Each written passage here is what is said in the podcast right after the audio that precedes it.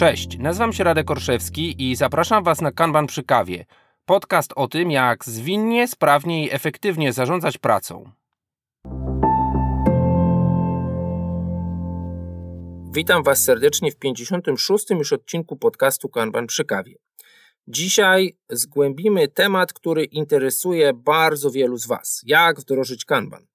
Jak wdrożyć Kanban? Można powiedzieć, łatwiej powiedzieć niż zrobić, ale dzisiaj spróbujemy to właśnie na stosunkowo łatwy, przyjazny, taki humanitarny sposób wprowadzania zmienić. Jeśli pamiętacie, to około już trzech lat temu, w odcinku 19, pojawił się odcinek poświęcony książce Justyny Pindel Kanban Kompas.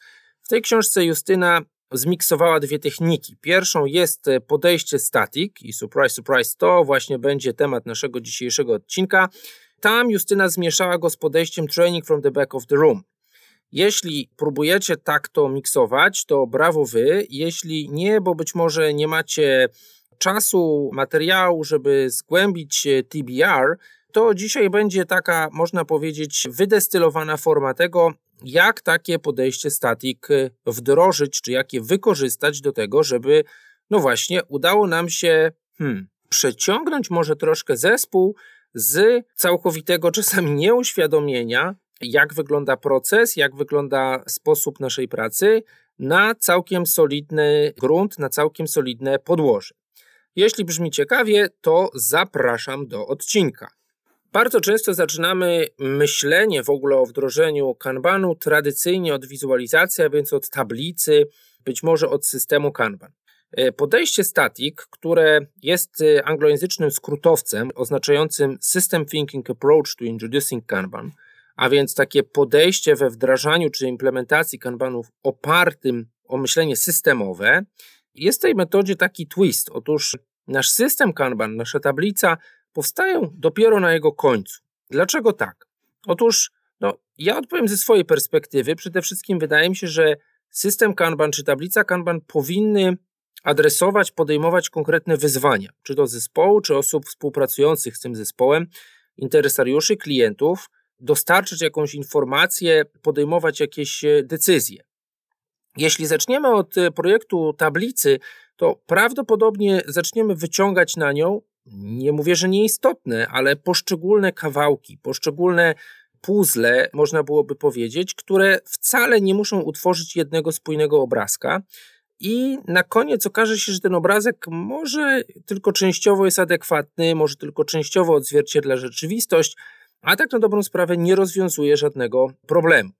Próbujemy więc tego uniknąć, przeprowadzając zespół czy grupę osób, która e, będzie w tym uczestniczyła, bo może być to zespół plus jego interesariusze, być może nawet jakaś większa grupa, która potem będzie pracowała jako kilka zespołów przez pewien tok myślowy, tok myślenia, który ma nas, no właśnie, zaprowadzić do tego systemu, do tej tablicy Kanban, ale wychodząc od czegoś takiego jak e, właśnie rozumienie problemów, rozumienie źródeł naszej wiedzy, rozumienie naszych prawdziwych zdolności dostarczania tego, jak traktujemy tą pracę, a dopiero na samym końcu zaprojektowanie znów nieskończonej, ale pewnej prototypowej pierwszej wersji systemu Kanban.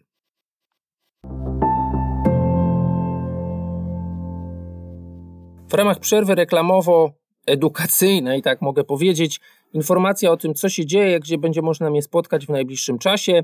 Tej jesieni będę wybierał się na Litwę, na Agile Vilnius. Zapraszam Was tam, jeśli nie jesteście, na Agile Vilnius Tour. Będzie tam konferencja. Wiem, że kilka osób z Polski się wybiera, więc zapraszam gorąco do udziału w tym evencie ale z rzeczy innych, lokalnych, bo trochę online'owych też, a więc właściwie można powiedzieć u Ciebie w mieście taki w sumie hip-hopowy cytat sprzed lat. Wracamy na jesień z cyklem szkoleń, między innymi po dłuższej przerwie szkoleniem Kanban System Design, tam też jest static, ale uwaga w języku angielskim. Czasami zgłaszacie się do mnie mówiąc o tym, że macie współpracowników, kolegów, koleżanki anglojęzyczne, pracujące w Polsce, może w innych biurach waszych firm, i że chcielibyście wziąć udział w takim szkoleniu właśnie w języku angielskim, albo po prostu nauczyć się kanbanu po angielsku, żeby było łatwiej tłumaczyć go innym. I do takiej okazji zapraszam. Szczegóły znajdziecie tradycyjnie na lineagile.ninja. A teraz wracamy, a właściwie zaczynamy ze statikiem.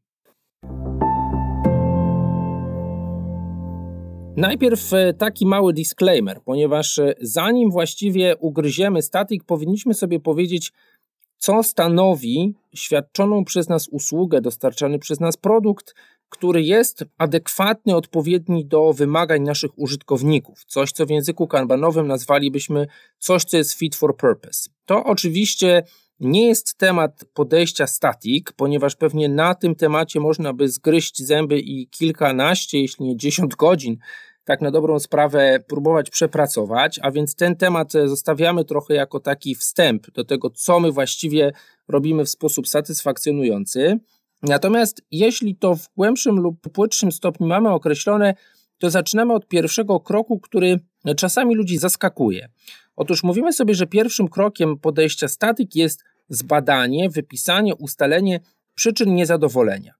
Mówimy tu zarówno o przyczynach niezadowolenia zespołu czy grupy, która realizuje jakieś usługi czy coś dostarcza, być może towarzyszą im jakieś bolączki, takie jak nierównomierny rozkład pracy, jak przepracowanie, czy właśnie zbytnie obciążenie w ogóle tą pracą. Być może też nie podoba im się to, jak się ich ocenia i co się o nich mówi w organizacji pod kątem jakości czy prędkości dostarczania, a więc to, co boli nas jako zespół. Z drugiej strony interesuje nas to, co mówią lub powiedzieliby o nas, bo być może tutaj hipotetyzujemy, nasi użytkownicy, nasi stakeholderzy, a więc nasi interesariusze. Ale w grupach, które czasami są, powiedziałbym, niespójne, na przykład taką grupą są często agile coache, może być tak, że na przykład co my w naszej grupie mówimy o nas samych, to nie jest wewnętrzna przyczyna niezadowolenia, ale może jest to też percepcja, którą tak dobrą sprawę ma nasz kolega czy koleżanka pod kątem tego, jakie my usługi dostarczamy w ramach naszego zespołu, ale sobie wzajemnie. A więc w dużych, niejednolitych zespołach być może nam doskwiera pewien problem, ale z drugiej strony problemem jest na przykład to, że my sobie sami wewnętrznie w tym zespole świadczymy słabe usługi. Na przykład obiecujemy sobie coś, czego nie realizujemy. I ja bym to wsadził jednak w tą drugą kategorię takich problemów zewnętrznych, bo często jest właśnie tak, że problem polega na tym, czy my siebie karmimy, przepraszam za takie słowo, właściwej jakości usługami, właściwym podejściem. Ten element warsztatu czasami otwiera, powiedziałbym, taką puszkę Pandory, czasami pokazuje gdzieś problemy, które wiemy, że mamy, ale o nich nie mówimy. Zwłaszcza w przypadku tych problemów zewnętrznych, warto oczywiście zebrać taką informację, a jeśli nie ma takiej możliwości, to być może wykorzystać jakieś dostępne fakty, dostępne dane, stwierdzenia, wyniki ankiet, ale też może trochę pohipotetyzować, tak? Bo być może nasi interesariusze nie są na tyle otwarci, żeby to powiedzieć wprost, a warto się tutaj zastanowić, co by było, gdybyśmy byli naprawdę klientem, interesariuszem, ktoś, kto płaci, mówiąc wprost, za usługi naszego własnego zespołu. Te, można powiedzieć, spostrzeżenia, znalezienia warto sobie udokumentować, nie wrzucać ich do śmietnika. Dlaczego? Dlatego, że chcielibyśmy, żeby na koniec naszego podejścia statik, naszego warsztatu, odnieść się do tego, czy system, czy rozwiązanie, które budujemy, rzeczywiście w jakiś sposób nawiązuje do tych problemów, czy próbuje podjąć, rozwiązać niektóre z nich. Drugim krokiem podejścia statik jest analiza zapotrzebowania. Co to znaczy? Może brzmi to w taki sposób trochę sztywny, niezrozumiały, ale chcemy zrozumieć skąd, w jakiej ilości, od kogo i jakimi kanałami, w jakiej charakterystyce może długoterminowej spływa do nas praca. Czasami jest to oczywiste, można powiedzieć, pracy przynosi product owner, no i super, ale warto się zastanowić, od ilu interesariuszy czy z ilu strumieni ten product owner to dostaje.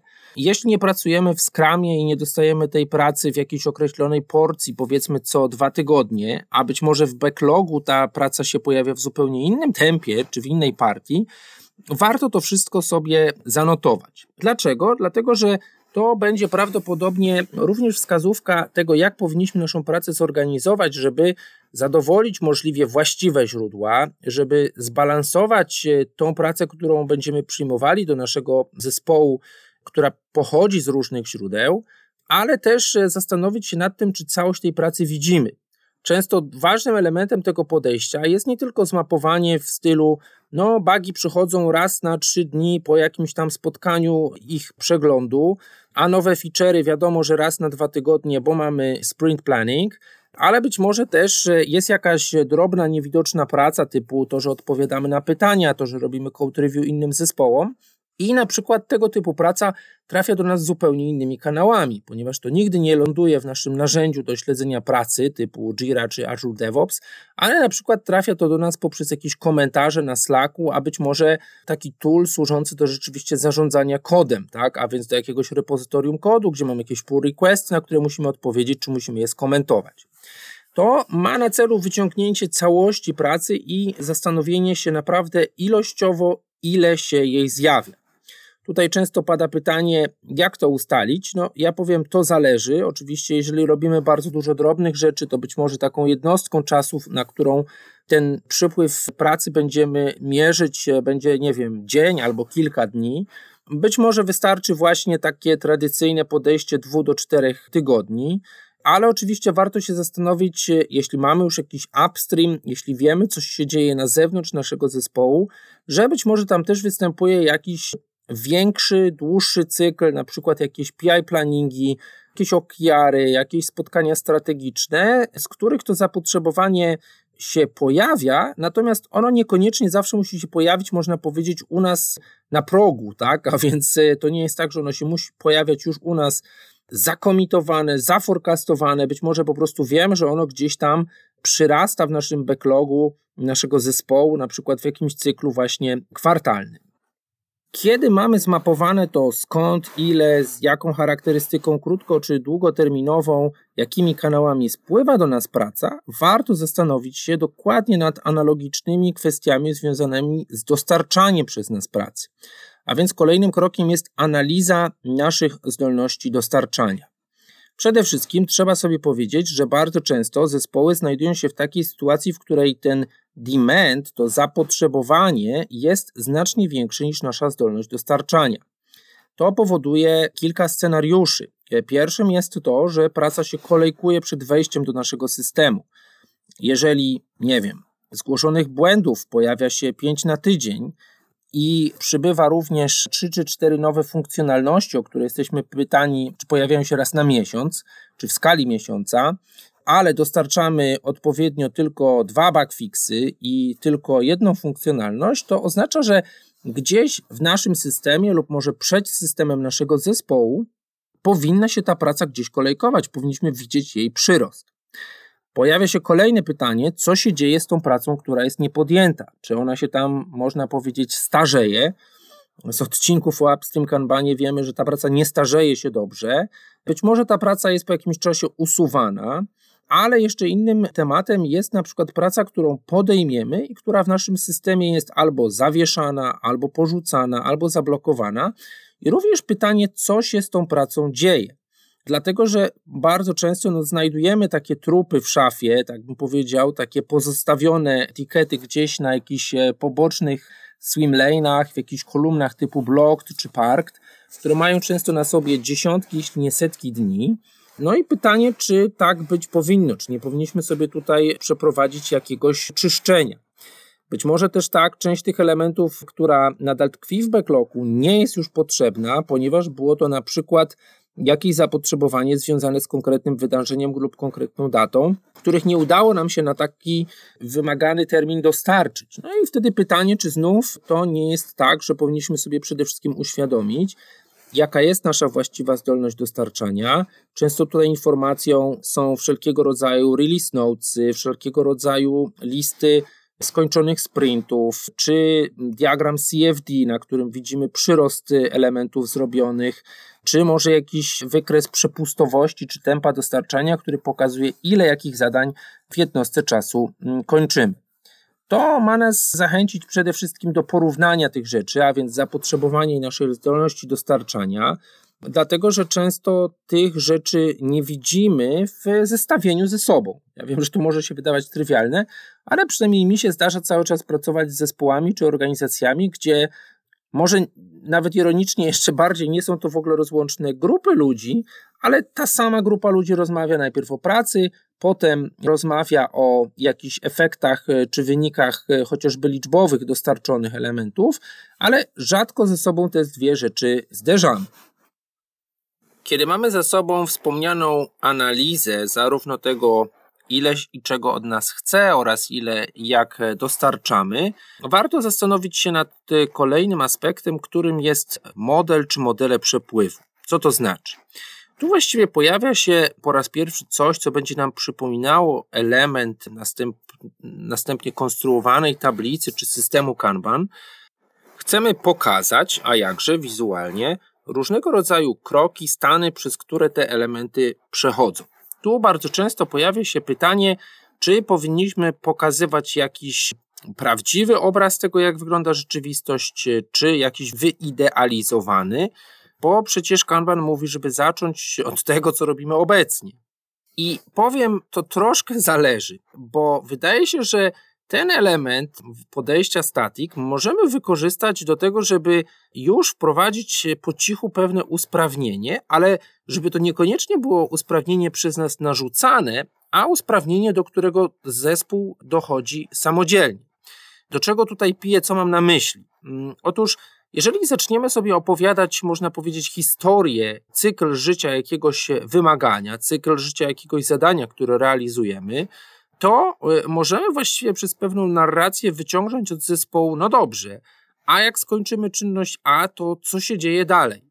No i tu się może pojawić oczywiście naturalny komentarz w stylu zaczyna się aktywność B czy czynność B, ale możemy tutaj właściwie zadać takie wprost pytanie, czy czynność B, którą na przykład podejmuje inna osoba, jest rzeczywiście zawsze natychmiast podejmowana, zaczynana. No i tutaj dochodzimy do wniosku, w którym zespół, specjaliści często dochodzą do takiego stwierdzenia, autorefleksji, nie, no właściwie nie, no zwykle to czeka. Okej, okay, to jeśli zwykle to czeka, bo ta, nas, ta osoba od tej czynności B jest zajęta, to może to pokażemy. I w ten sposób możemy też właśnie zacząć e, wprowadzać w ten model przepływu takie stany pasywne, które jak wiemy z innych praktyk są bardzo pomocne, żeby widzieć, gdzie praca się kolejkuje, gdzie ona się starzeje, gdzie pojawia się problem wyboru, które zadanie podjąć następne.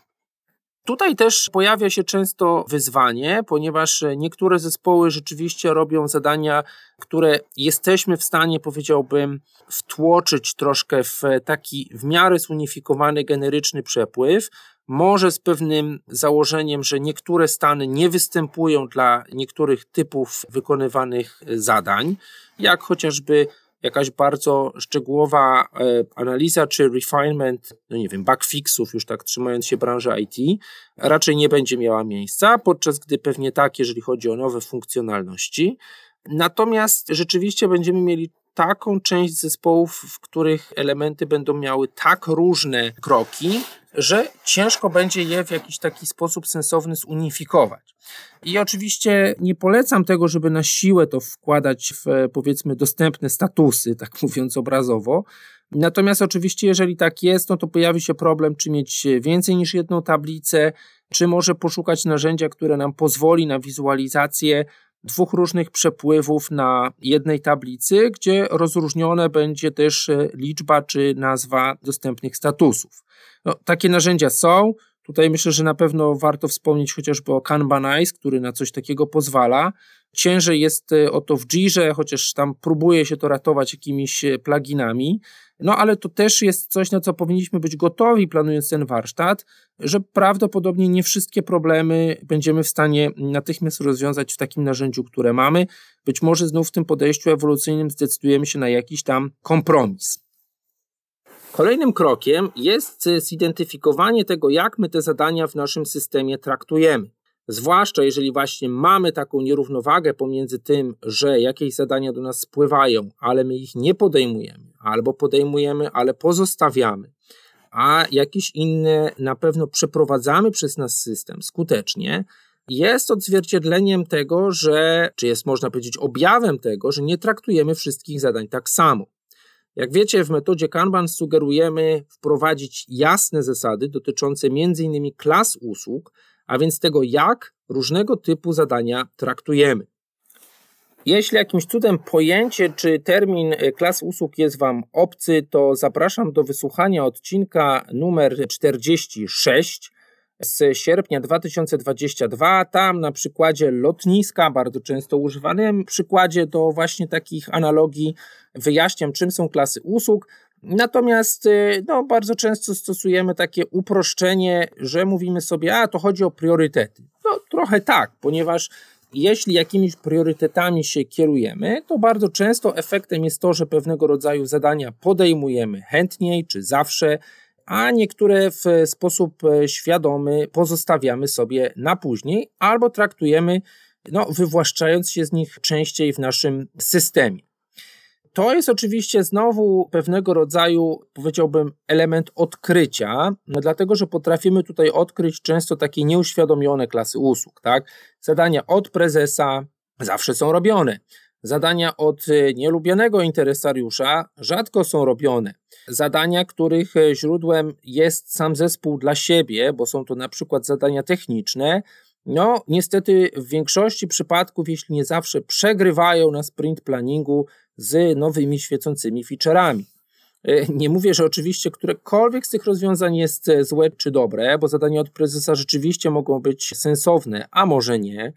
Być może nielubiany interesariusz jest nielubiany, bo na przykład dostarcza albo wymusza pracę nad jakimiś słabymi, tak to nazwijmy kolokwialnie, wymaganiami a dług techniczny narasta, bo zespół nie jest w stanie ogarnąć, co właściwie chciałby zrobić pierwsze. A więc y, to nie chodzi o to, żeby tutaj ślepo mówić, że musimy traktować tak samo, czy wszystkie z tych strumieni pracy zaciągać do naszego systemu, ale powinniśmy sobie odkryć, jakie te klasy usług w tej chwili są i również ewolucyjnie zastanowić się nad tym, czy chcemy się ich trzymać, czy chcemy je w jakiś sposób zmienić. Ostatnim właśnie takim korowym krokiem podejścia Static jest zaprojektowanie systemu Kanban. Nie bez przyczyny powiedziałem, że Static zawiera się jako pewne ćwiczenie czy moduł właśnie na szkoleniu Kanban System Design, ponieważ kiedy zbierzemy, kiedy zobaczymy wszystkie te informacje o tym, co nam doskwiera, co doskwiera naszym klientom, skąd ile tej pracy do nas przychodzi, ile się jej dostarcza, jak ją w systemie traktujemy, przez jaki workflow ona przepływa, to jesteśmy w stanie zacząć rzeczywiście szkicować, projektować, prototypować taki system. Ten system może znów na, powiedziałbym, poziomie pewnej narracji, którą będzie prowadził taki facylitator warsztatu, zawierać już takie elementy jak właśnie wyróżnienie strumieni pracy przy pomocy takich wierszy, swimlane'ów, wprowadzenie stanów aktywnych i pasywnych, być może wprowadzenie wierszy na tablicy na jakąś specjalną, wysoce pilną czy wysoce kosztowną klasę usług. Pamiętajmy, że systemowi Kanban powinny towarzyszyć również jasne polityki, również najlepiej zwizualizowane. Podchodząc do tego, że zaczynamy od tego, co robimy obecnie, być może zastanowimy się nad tym, jakie obecnie mamy WIP limity, jakie chcielibyśmy wprowadzić, jakie obecnie naszemu systemowi czy metodzie pracy towarzyszą kadencje, wydarzenia czy spotkania, jakie obecnie mamy metryki i tak dalej, i tak dalej.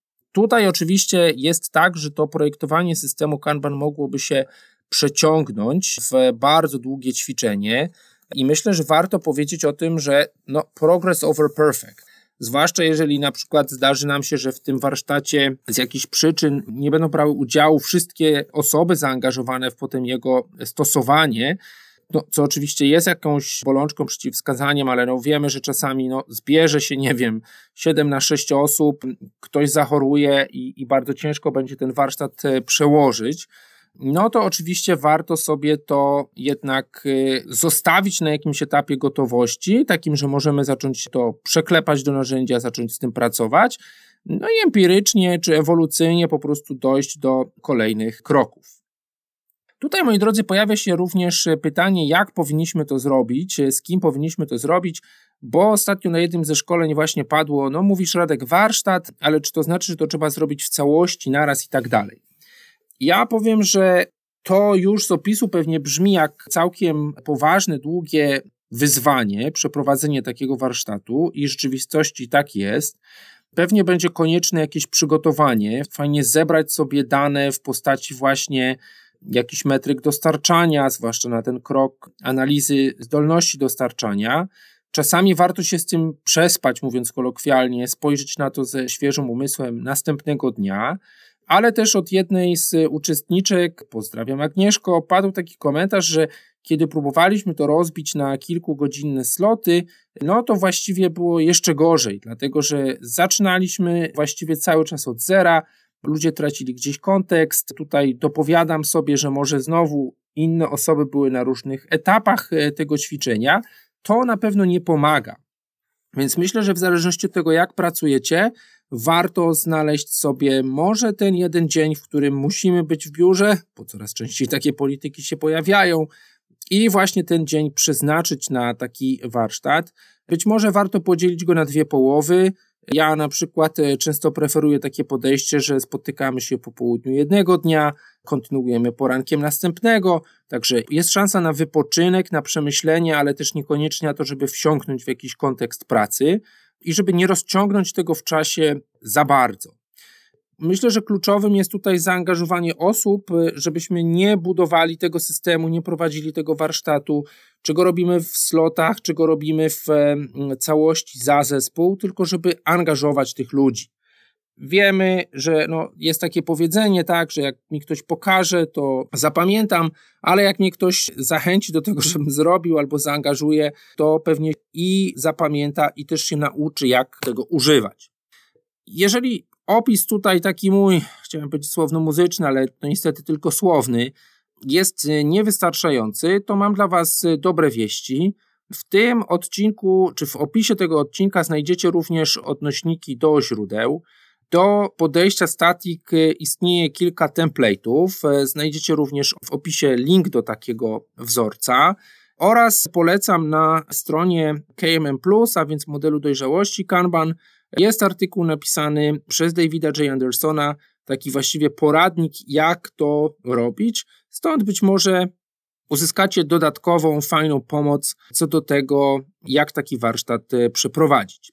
Jeśli oczywiście macie taki już za sobą, e, jeśli macie jakieś właśnie tipy, triki, jak to robić, to zapraszam do tego, żebyście się nim podzielili. Bardzo fajnie będzie chociażby rozszerzyć może wpis na stronie towarzyszący temu wpisowi o właśnie Wasze uwagi, Wasze doświadczenia, czy w samym wpisie, czy w komentarzach. Dziękuję Wam pięknie. Pewnie mija około 30 paru minut, kiedy mnie słuchacie. Zapraszam do przemyślenia, przejrzenia materiałów, e, być może spróbowania tego jak najbardziej, nie być może, ale jak najbardziej spróbowania tego podejścia z bardzo prostej przyczyny. Jest to coś, co rzeczywiście no, w praktyce okazuje się bardzo fajnym podejściem, żeby zaangażować zespół w budowanie tego systemu. Pamiętajmy, że ten system Kanban może być też systemem, który wizualizuje i zarządza pracą zespołu skramowego czy jakiegoś zespołu nie IT. Do wszystkich takich kontekstów to podejście się świetnie nadaje. No i tyle moi drodzy. Zżegnam Was bardzo serdecznie.